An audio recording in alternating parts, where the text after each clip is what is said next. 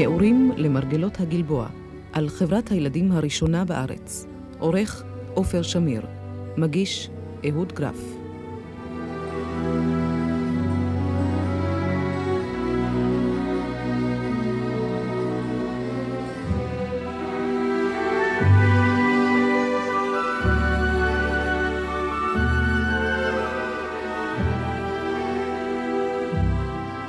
משתתפים רחל מרקובסקי. אני זוכרת שמילק לימד אותנו תנ"ך. אז התמונה הייתה כזאת, השיעור התחיל נניח עם עשרה ילדים. והוא נגמר עם אחד או שניים, היתר היו כבר בסחנה במשך הזמן. רפאל רפפורט? היה לנו משחק עם עכברים. היינו עולים על, ה, על הקיר, על הקירות האלה היו מעצים שוכבים כאלה. ש... ואז בפינה אחת היה איזה ארגז או משהו, היו נותנים עליו מכות, אז העברים היו מתחילים לרוץ, מתרוצצים, ואנחנו היינו תופסים אותם תוך כדי שהם רצים על הקורות, אז היינו מנסים לתפוס אותם. הלל שמיר וברוך בוזיק נרדי.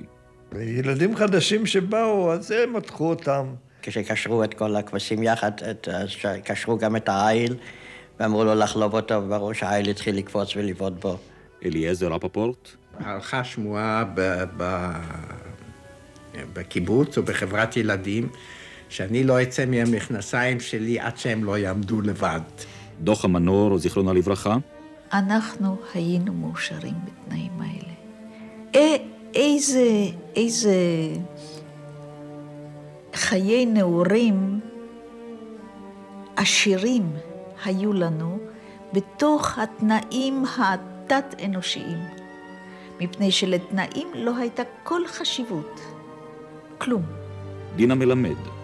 והגענו לבית אלפא בשעות הצהריים, היינו מאוד שמחות, ונכנסנו לחדר אוכל ופתחנו בהורה, מה שמאוד הדהים את החברים. אבל לעומת זה, ככה התקרבו אלינו והתחילו להתעניין מי זה, מה זה. ככה הגענו לבית אלפא. וכן משתתפים בתוכנית המחנך יהודה רון פולני ונעמי בנימיני.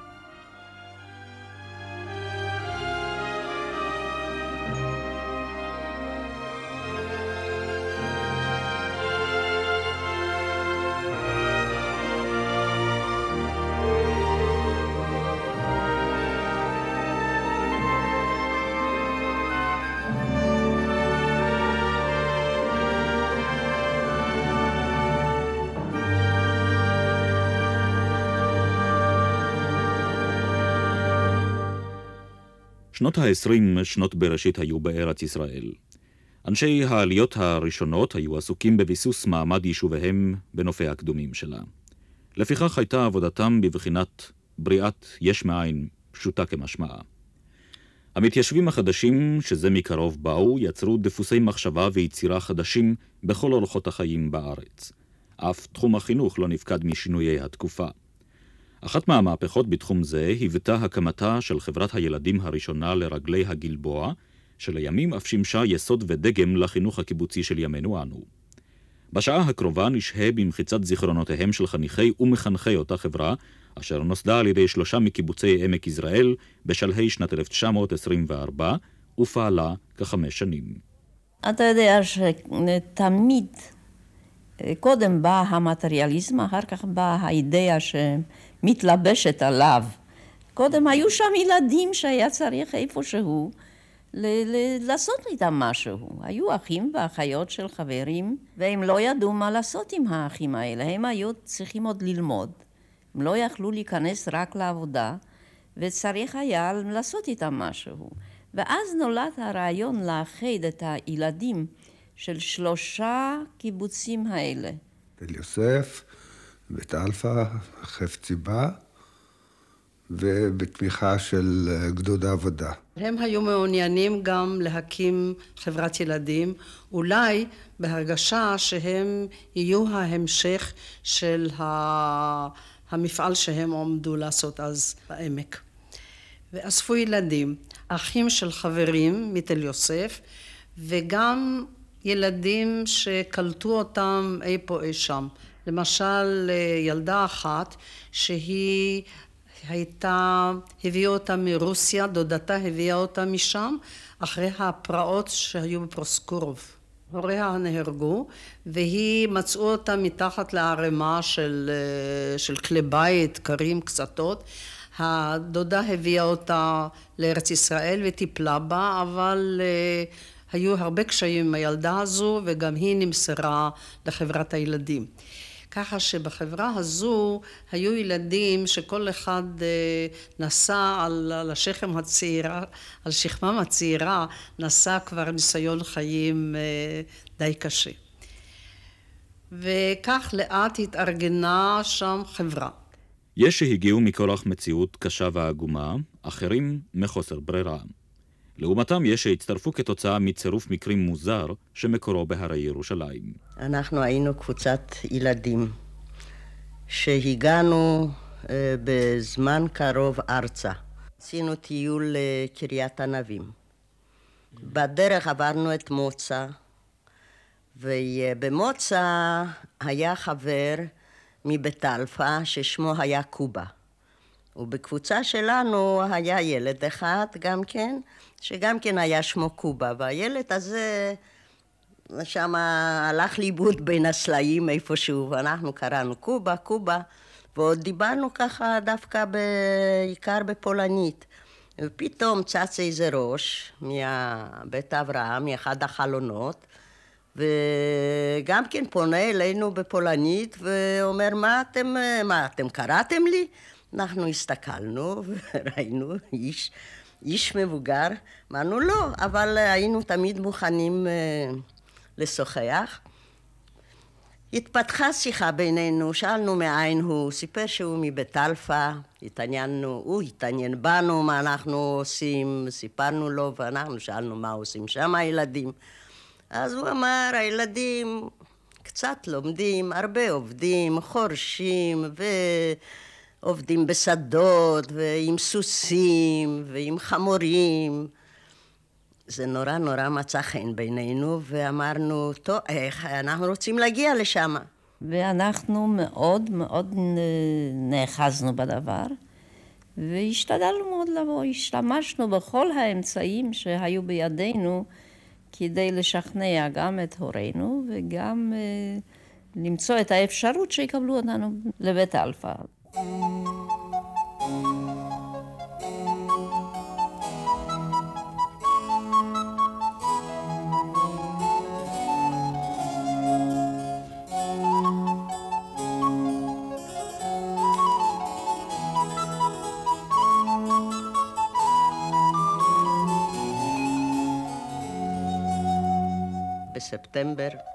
ביום חם, חמסין, נסענו ברכבת, ברכבת העמק, וירדנו בשטה, איפה שעכשיו בית הכלא, הייתה תחנת רכבת עם חורשה קטנה, תחנה נחמדה מאוד.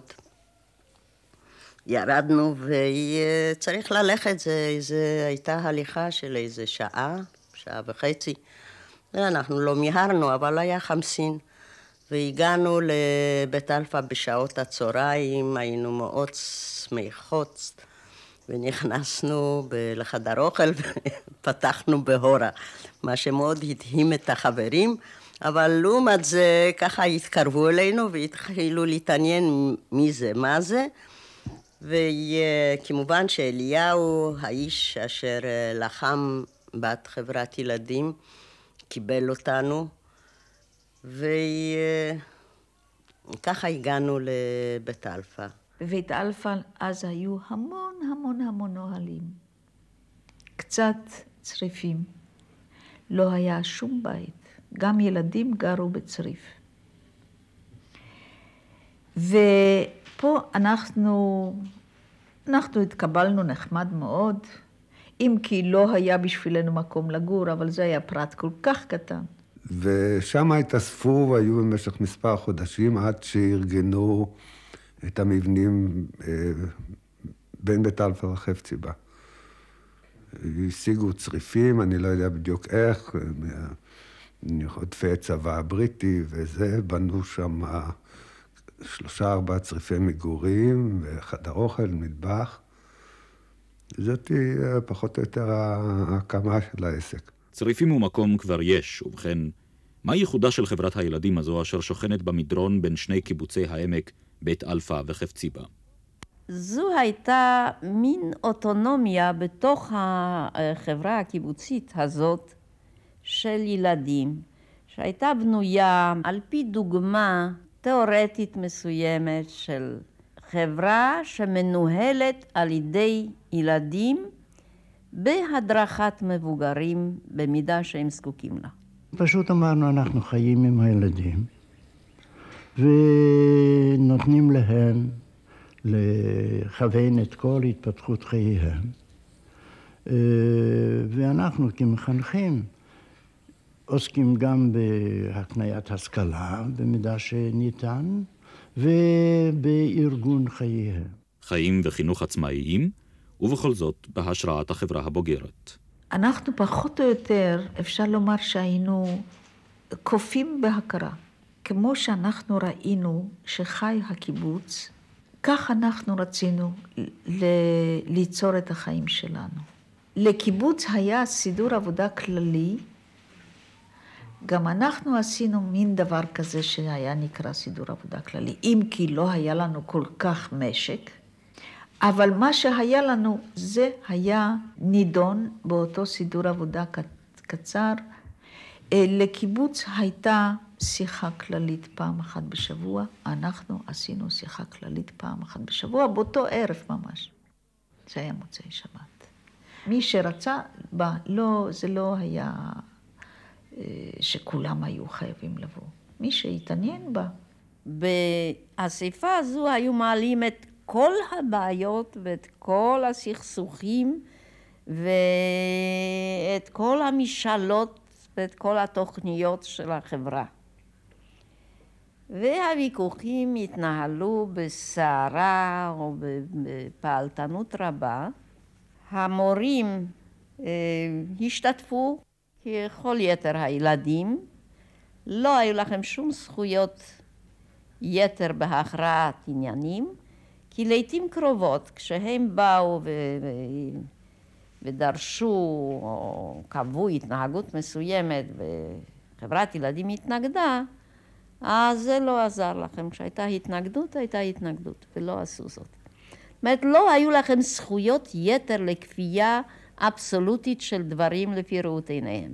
הייתה לנו פעם בעיה שילד אחד, הוא היה בן עשר, אני חושבת, אז, והוא כבר אז היה, אה, ידע לגנוב. הוא היה פשוט הולך, מה שמצא חן בעיניו הוא לקח, פה לקח, שם לקח. אני גם לא חושבת שזה אצלו היה כל כך מודע, נדמה לי שבכלל לא הבין למה שלזה יהיה ולא לא יהיה. אז הוא לקח. והתנהל אצלנו ויכוח ערני מאוד. היו ילדים שחשבו שלא צריך להחזיק ילד כזה, והרבה הרבה ילדים דווקא חשבו שאנחנו צריכים להחזיק אותו ולהשפיע עליו ולהביא אותו על פסים נכונים. והאמינו בזה. אני ביניהם. ומאוד הצטערנו אחרי שקרו כמה כמה מקרים ובכל זאת הרוב הגדול היה נגד ותמיד עוד אחר כך אני חשבתי אנחנו יכולנו להציל בן אדם ולא הצלנו אותו. והיו תופעות של שנה הילדים קצת התחילו לזלזל בלימודים. אז אה, אספת הילדים הייתה לה השפעה על הילדים האלה, ולא נזרוק אתכם מפה. לא היו שם בכלל, לא היו מגבלות. מפני שאם אנחנו רצינו שמישהו יסתלק משם, אז הוא יסתלק by hook או by crook. לרוב הקטנים היו יותר דפוקים מפני שעליהם החליטו. הגדולים היו מחליטים. והקטנים היו מוכרחים להיכנע, לי למשל. קיץ, שנגמר בעצם, התחיל החופש, הלימודים נגמרים בקיץ, העדר של משק בית אלפא עבר לאזור נהלל. ואני מאוד רציתי לנסוע עם העדר.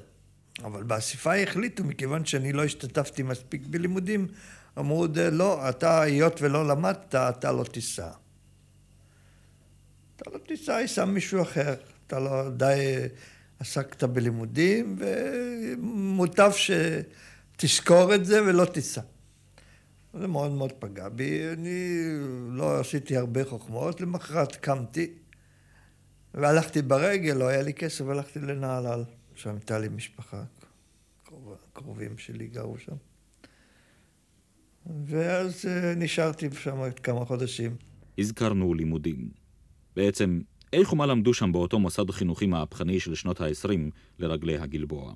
אנחנו היינו שפני ניסיון. כי אנחנו, גם אנחנו, וכמובן שהמורים, אנחנו לא רצינו את כל המוסכמות להביא לחברת הילדים שלנו. את כל אותן שיטות הלימודים המקובלות בעיר.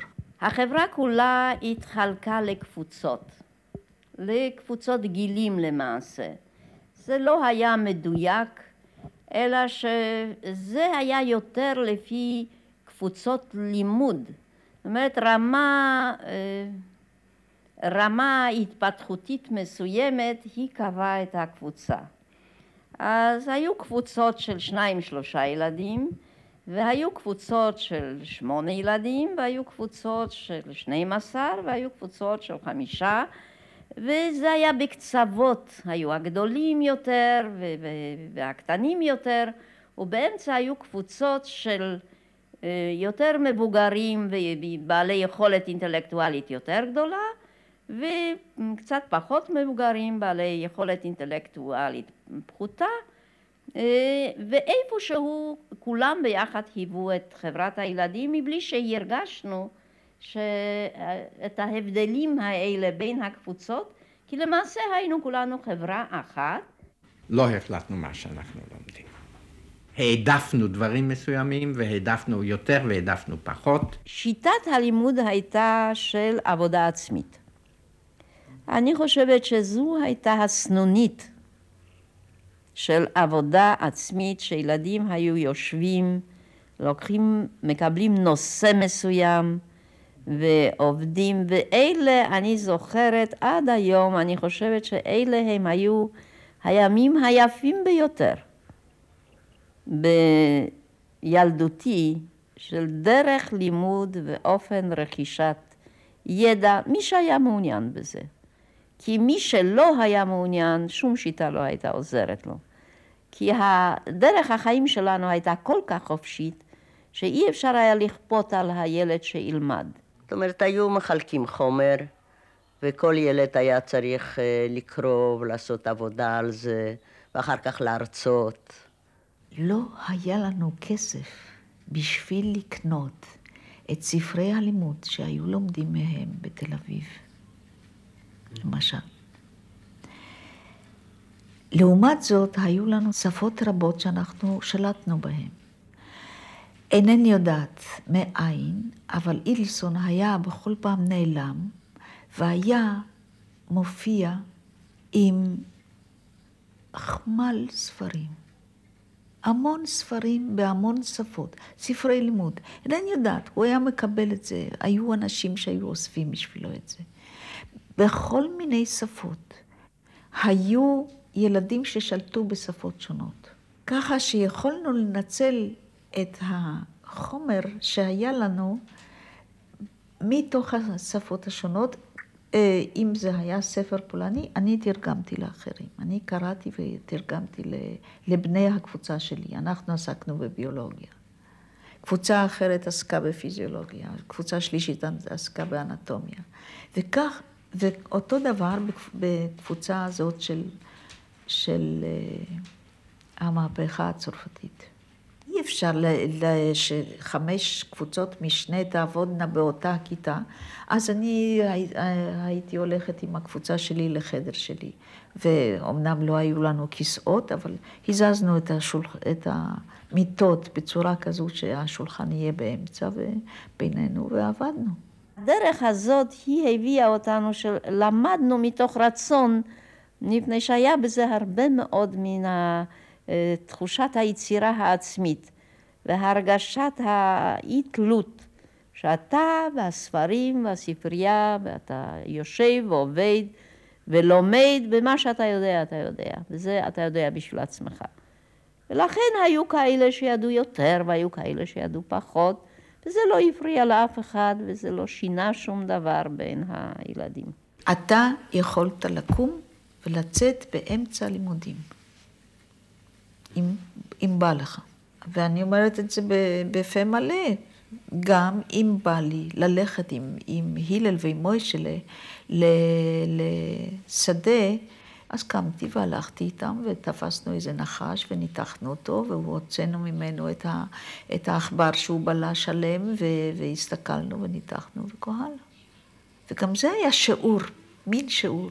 מיודענו רכשו ידע בשיטת הלימוד העצמי, אבל שיטה זו לא הייתה צורת הלימוד היחידה. היה לנו מורה שהוא קצת אה, באמת עשה משהו, אז הוא לימד אותנו בשיטה של אה, נושאים. מה זה נקרא? הוא... הוא רצה ללמד אותנו, לתת לנו מושג על גיאוגרפיה למשל. אז ישב איתנו קודם ותיאר לנו את העמק. אחר כך אמר, אמר לנו שנתאר לנו את המרחק בין מקומות.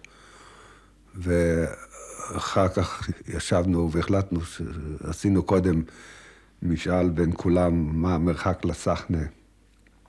וההערכות היו בין 100 מטר ל-10 קילומטר, ואחר כך לקחנו מטר וחבל, והתחלנו למדוד את המרחק, ואחרי קילומטר שמנו שלט קילומטר מצריף הקטנים בחברת הילדים, ואחר כך מדדנו עוד 490 מטר והגענו עד לסחנה. הוא נתן לנו למשש את זה, למשש את הגיאוגרפיה. הוא לא לימד אותנו שמות של ערים ושמות של ארצות וצורות של מפות, אבל הוא לימד אותנו למשש את הנושא הזה. היות ולא הייתה לנו דעה מה ללמוד ואיך ללמד, אז uh, התגובה שלנו הייתה פשוטה. אני זוכרת שמילק לימד אותנו תנ"ך, ולמדנו איוב. אני לא בטוחה שכבר ידענו את uh, חמישה חומשי תורה, אבל למדנו איוב. לפי ראות עיניו היה צריך ללמוד איוב. והוא היה מביא ספרי ביקורת, המקרא, והתנ"ך בגרמנית של מלומדים וחוקרים ו... והוא היה, היינו קוראים פסוק, היה מסביר לנו ומה אומר זה ומה אומר זה, וזה היה נכנס לנו לאוזן אחת, ויוצא בשנייה, בכלל לא הבינונו כל כך בדיוק מה, למה הוא חותר. אז התמונה הייתה כזאת, השיעור התחיל נניח עם עשרה ילדים. והוא נגמר עם אחת או שניים. היתר היו כבר בסחנה במשך הזמן. היו מסתלקים לאט לאט וגמרנו. וכשהיו שואלים, אחר כך זה בא לאספת חברת ילדים ושאלו, איך אפשר ללמד כשאתם אה, רצים להתרחץ, לשחות במקום אה, לשבת פה וללמוד? אנחנו לא רוצים ללמוד מהספרים העבים האלה, אנחנו רוצים ללמוד מספר התנ"ך וזהו. היה לנו דבר מעניין, אנחנו לקחנו קן של נמלים, שלם, יש נמלים שעושות תל, לא, לא חופרות באדמה, עושות תל. ורצינו ללמוד על החיים שלהם, הכנסנו אותם לתוך קערת מים, שמנו אבן באמצע, ורצינו ללמוד על החיים שלנו. אחרי איזה שבוע בערך, לילה אחד, הם עשו מעצמם גשר לא התפזרו על פני המים, רק בקו אחד ישר, אחת על השנייה, אחת על השנייה, כל הקן ברח, נשארו רק אלה שטבעו בתוך הקו הזה. בצורה כזאת הם, הם הקריבו חלק מהם, והיתר ברחו מהזה. מפעם לפעם גם הגיע דבר כזה שהמורה המורה או המורה רצו אה, לבחון את ההישגים של התלמידים שלהם, אז בשיעור בהיסטוריה, המורה במקרה זה אה, העמידה בפנינו את השאלה בניסוח כזה, תארו בצורה המתומצתת ביותר את הסימנים שהשאירה מצרים העתיקה לנו. אז הוא אמר כל מיני. ואנחנו, זה הייתה, אנחנו הרבה שנים אה, חזרנו על הכל מיני הזה, שזה היה מצחיק.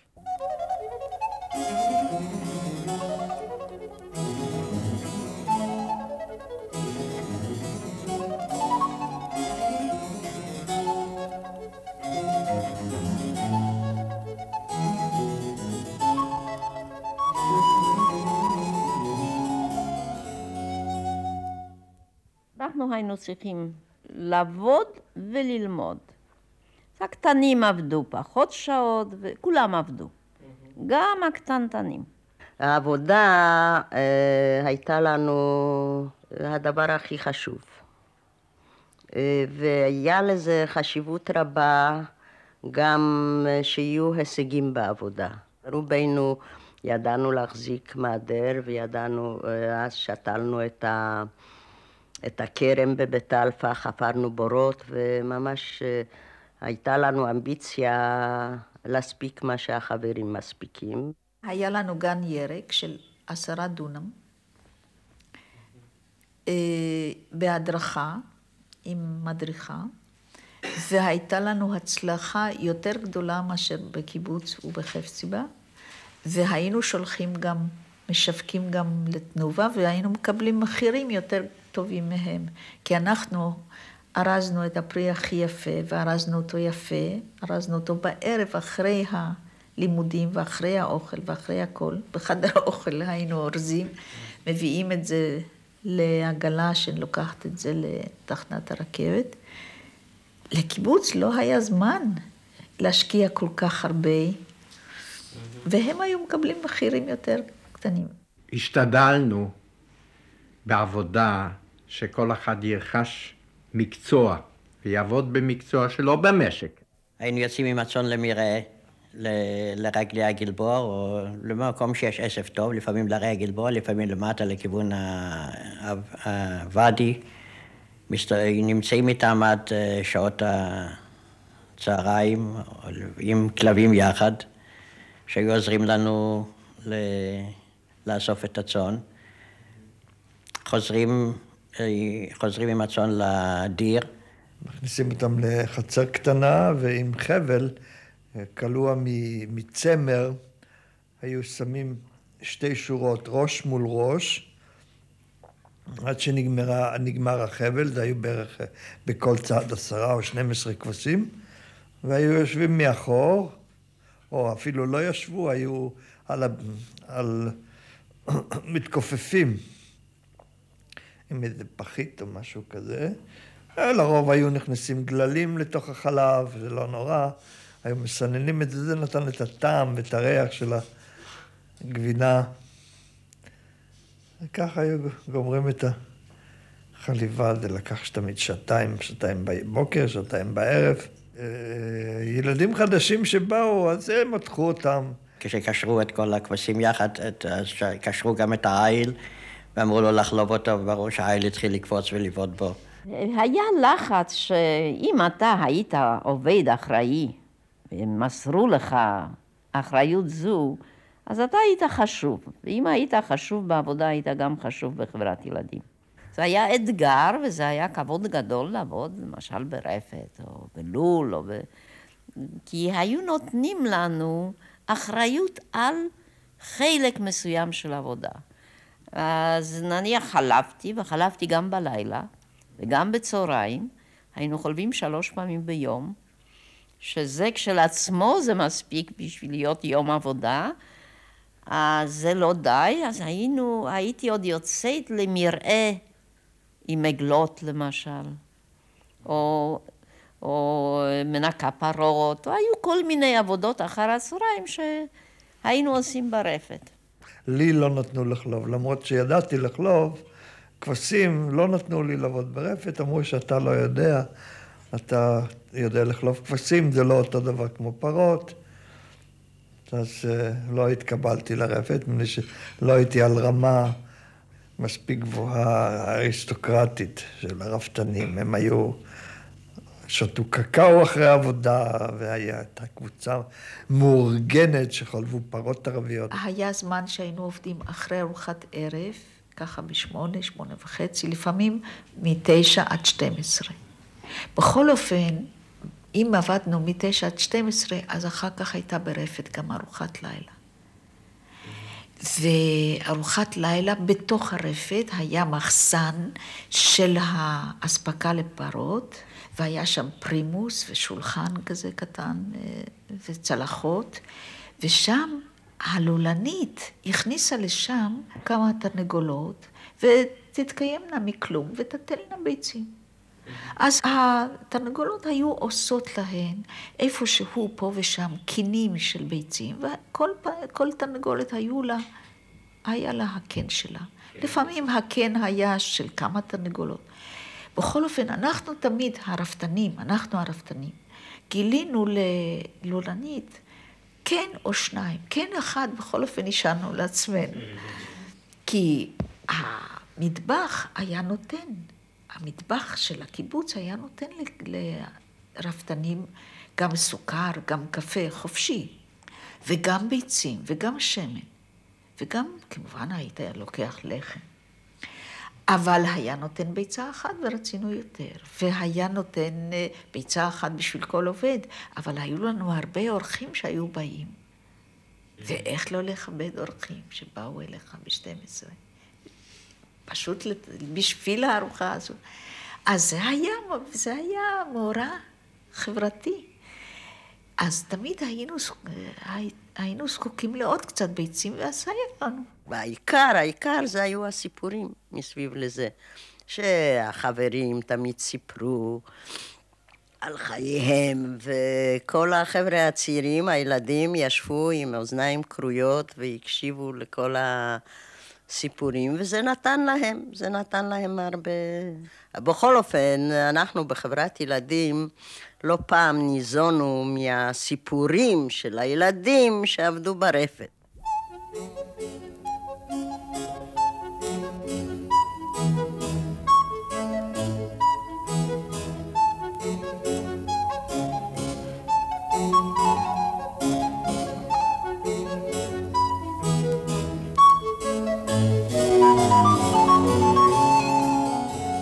עקרון השיתוף, כפי שבא לידי ביטוי בחיי הקיבוץ, מצא את מקומו גם בחברת הילדים, ולא פסח אף על פרטי הלבוש. לא היו בגדים ששייכים למישהו. הם עברו, זה ממש היה בשיתוף. בין הבנות היו אפילו בעיות די קשות, כי היו בנות גדולות, היו קטנות, היו יותר שמנות, היו יותר רזות. אני למשל קיבלתי שמלה שהביאה לי איזה דודה מגרמניה, ואחת הנערות, אחת הבנות, לטשה את העין דווקא על השמלה הזאת. והיא לא נתנה לי בשום אופן לקבל אותה לשבת. גם בזה שזה... וזו הייתה לי יום הולדת, ואני... זאת הייתה שמלה שבעצם אני קיבלתי אותה, זה מובן מאליו שהיא שייכת אחר כך למחסן. אבל היא התלבשה על השמלה הזאת, גמרנו. זה לא היה כל כך אכפת לי. זה היה, זה היה כל כך מובן מאליו, שלאף אחד אין רכוש פרטי. ומה עושים אם בכל זאת יש מישהו, ואפילו הוא מסגל המחנכים, ולא רכוש פרטי? אידלסון חזר מירושלים, מאיזו ישיבה, הוא היה כל פעם נוסע, סוכנות, לא הייתה סוכנות, זה היה איזה קרן היסוד, קרן משהו, איזה קרונות, והיה נוסע והיה חוזר. כל פעם שהיה חוזר היה מביא לעצמו איזה דבר. פעם הוא הביא לעצמו גרבי צמר עבים ויפים, והבחורים השתגעו. זה היה קור ורטוב, ו... אז אה, הם החליטו שצריך משהו, ראש כל קראו אותו לסדר. איזה מין אופן. אתה מטיף לנו על שוויון, ואתה בעצמך. אז הוא אומר, כן, אני מורה וזה.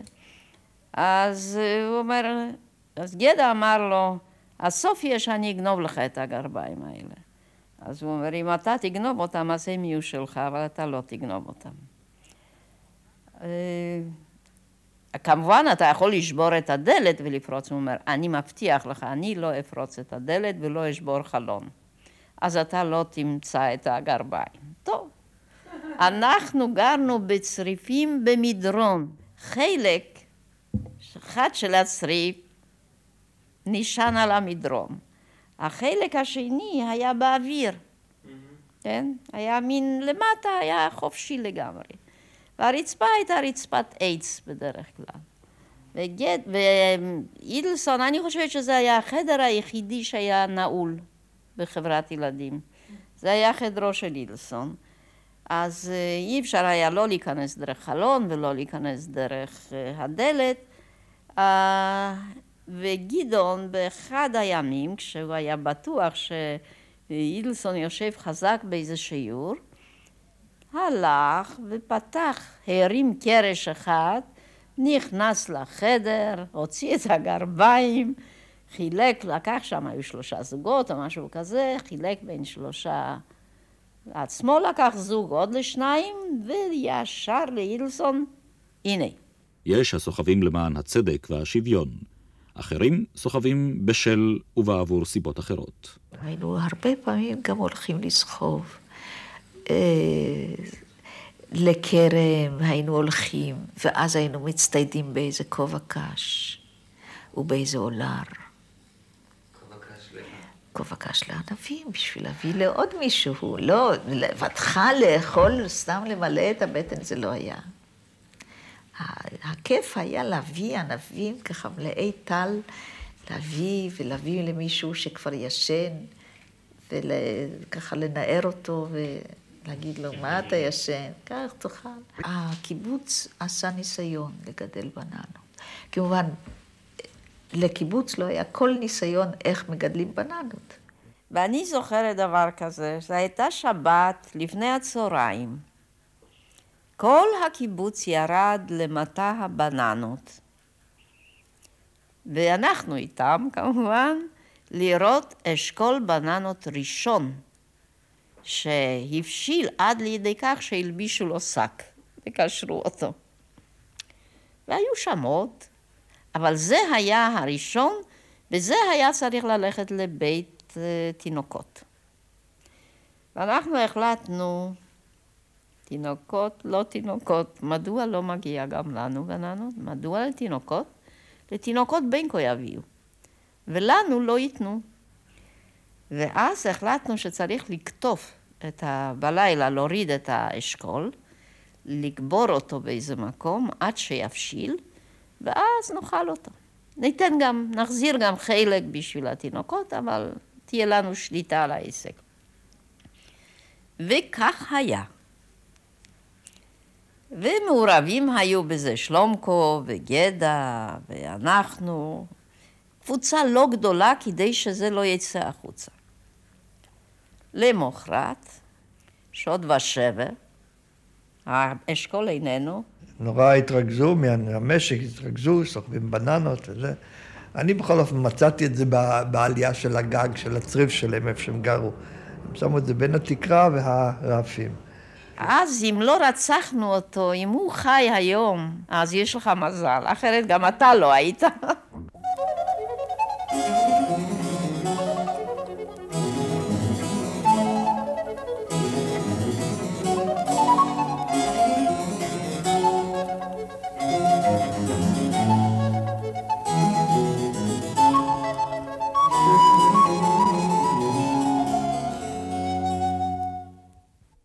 היות ואנחנו היינו קשורים ותלויים בענפי עבודה של הקיבוץ, אה, חילקו אותנו לקבוצות עבודה לפני הצהריים וקבוצות עבודה שעובדות אחר הצהריים.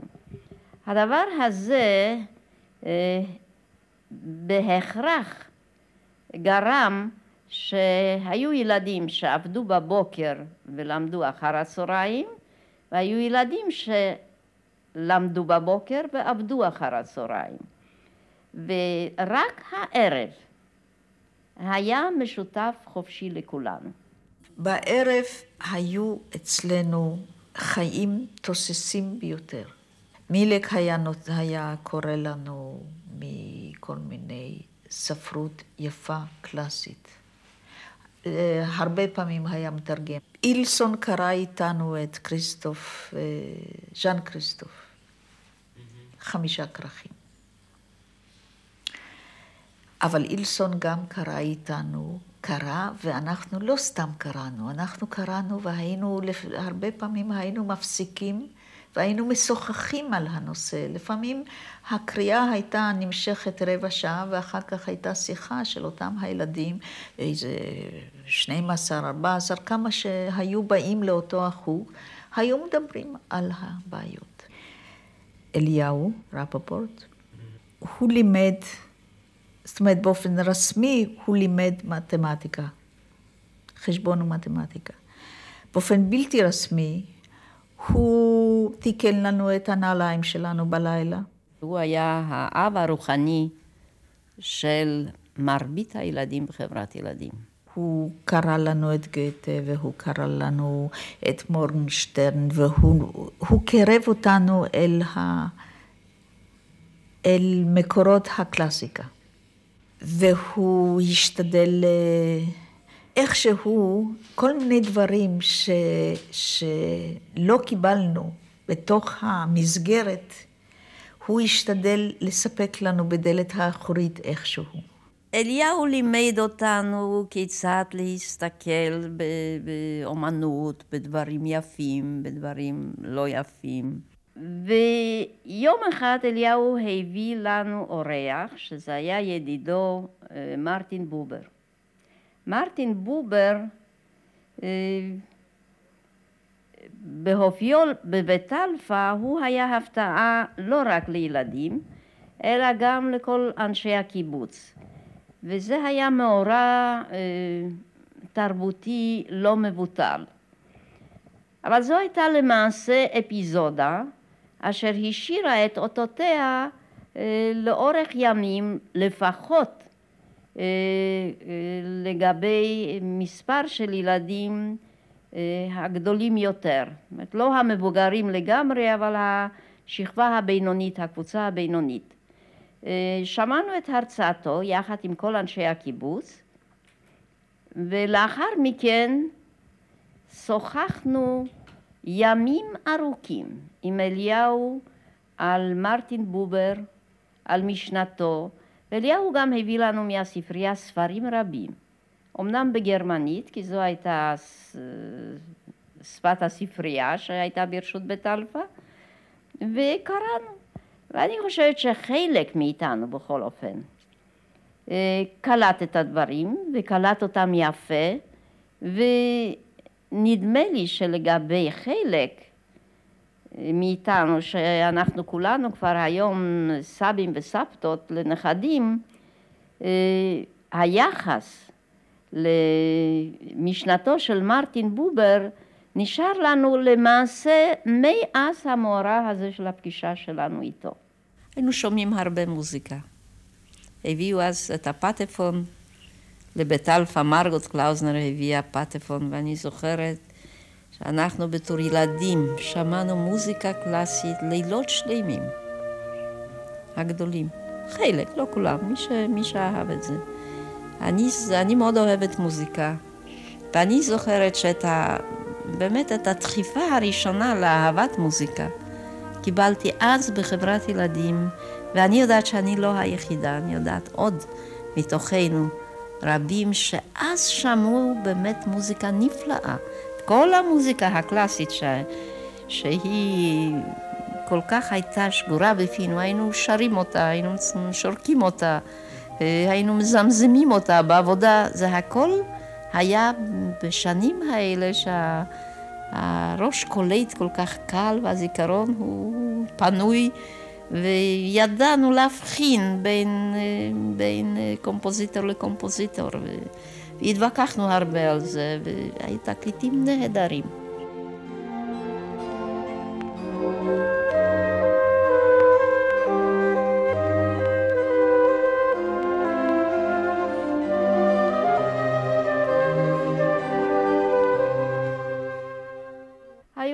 ילדים שעסקו בתקופות שונות, בדברים שונים. כמו למשל אומנות. ואז הילדים האלה היו מתאספים ומסתכלים בתמונות. אני זוכרת שהיה לנו חבר אחד, שמו היה סאנק, והוא נסע לאיטליה. והדבר היחידי שביקשנו ממנו שישלח לנו תמונות מאיטליה, גלויות. וסאנק הגיע מאיטליה, חזר והביא, אם אינני טועה, אולי זה היום כשאני מבוגרת כל כך, נדמה לי שזה היה, היו מאיות תמונות. בכל אופן, אז זה נראה לי כאוצר גלום, והיינו מדפדפים בהם ומסתכלים ולמדנו את ההבדלים שבין תקופת הברוק ותקופת הרנסאנס בבנייה ובאומנות ובכל תולדות איטליה כל מה שנעשה שם בשטח האומנותי היה למוקד מרכזי בשבילנו, תקופה מסוימת. כמובן, היו ריקודים, היו הרבה מאוד מסיבות כאלה של ריקודים, היו רוקדים. אם היה מי שינגן על גרמושקה, היו מנגנים ורוקדים. זה היה מפעם לפעם ביום שישי בדרך כלל. מאוחר בערב היינו הולכים לשומר לילה, וזה היה מין הוואי מיוחד, היו הולכים לעורווה, והוא היה שם עושה קפה, והוא היה גם לנו נותן. לפעמים היינו הולכים לראות את הסוסים בשבת. מביאים אותם למקום פתוח, והסוס נמצאים במקום והסוסים אוכלים והילדים היו יושבים על סוס אחד או שניים ורוכבים על ידם או שומרים עליהם וזה היה הכיף הכי גדול בשבילנו. היו עוד, היינו, היה לנו משחק עם עכברים. היינו עולים על, ה, על הקיר, על הקירות האלה היו מעצים שוכבים כאלה. ש... ואז בפינה אחת היה איזה ארגז או משהו, היו נותנים עליו מכות, אז העכברים היו מתחילים לרוץ. מתרוצצים, ואנחנו היינו תופסים אותם תוך כדי שהם רצים על הקורות, אז היינו מנסים לתפוס אותם. תופסים אותו בזנב, נותנים לו, זורקים אותו למטה, ואו שהוא בורח או שהוא נהרג.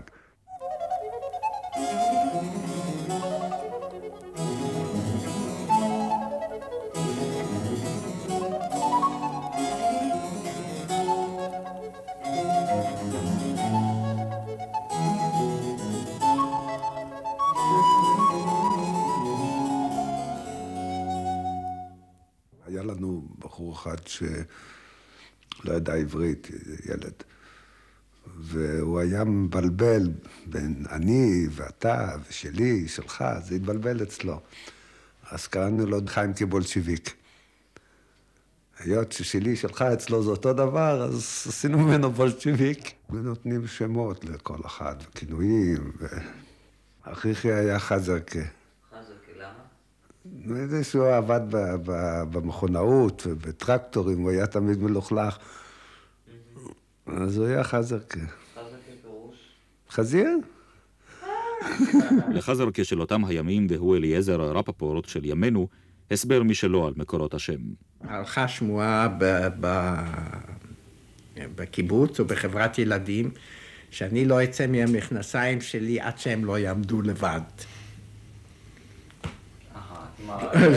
עד שלא יהיה כל כך הרבה שמן וכל כך הרבה זפת עליהם שהם יוכלו לעמוד לבד, אני לא אצא מהם.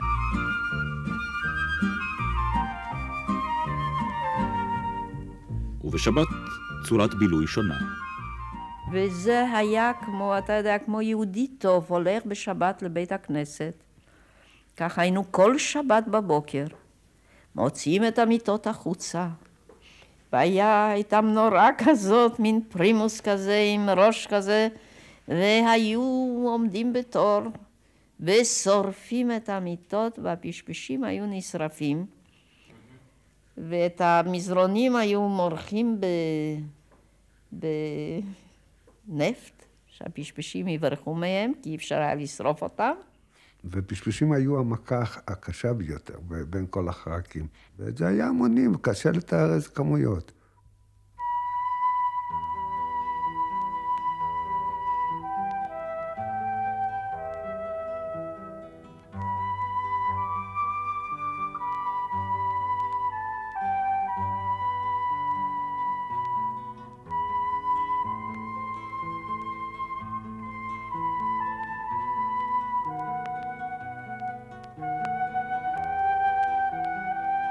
דבר אחד נפלא למדתי בבית אלפא. אני לא יודעת, בחברת ילדים, אינני יודעת אם מישהו, אה, אם המורים כיוונו את זה, אבל אני למדתי את זה. אני למדתי ללמוד בעצמי. אני חושבת שזה אחד הניסיונות הנפלאים ביותר שנעשו בארץ בשטח החינוך. וחבל שלא נשאר איזה דפוס של הדבר הזה. כמו כל מיני תופעות או שהיו בזמן העלייה השנייה שנעלמו ואינם עוד, כך גם בחינוך, חברת ילדים זו, שהיא הייתה מיוחדת במינה. היו שם ערכים שהיום אנחנו יכולים לדבר עליהם במושגים שונים, כן? אז בתור ילדים אנחנו לא הבינונו. גם לא ידענו לכנות אותם בש... בשמם.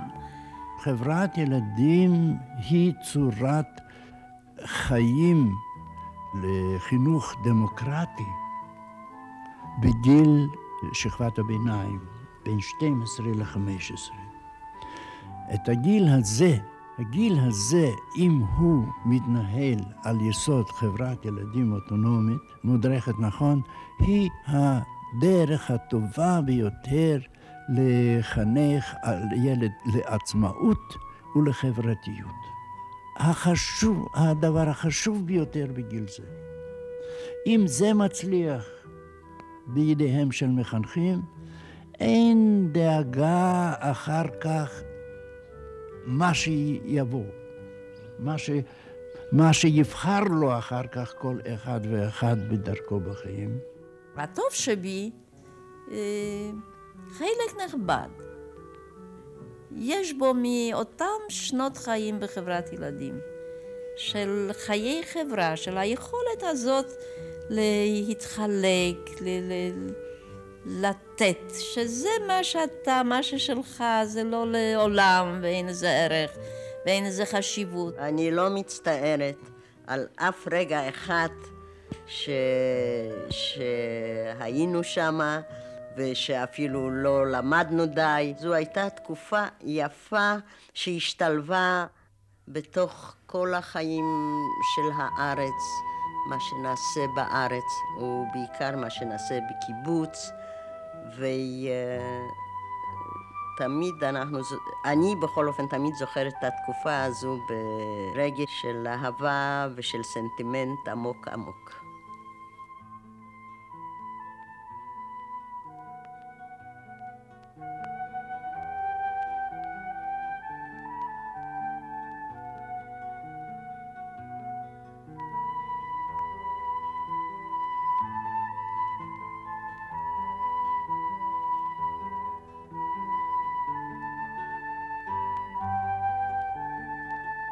נעורים למרגלות הגלבוע, על חברת הילדים הראשונה בארץ. ערך עופר שמיר, הגיש אהוד גרף. ביצוע טכני ישראל פרקר, יעקב נדב וצפריר נרדים.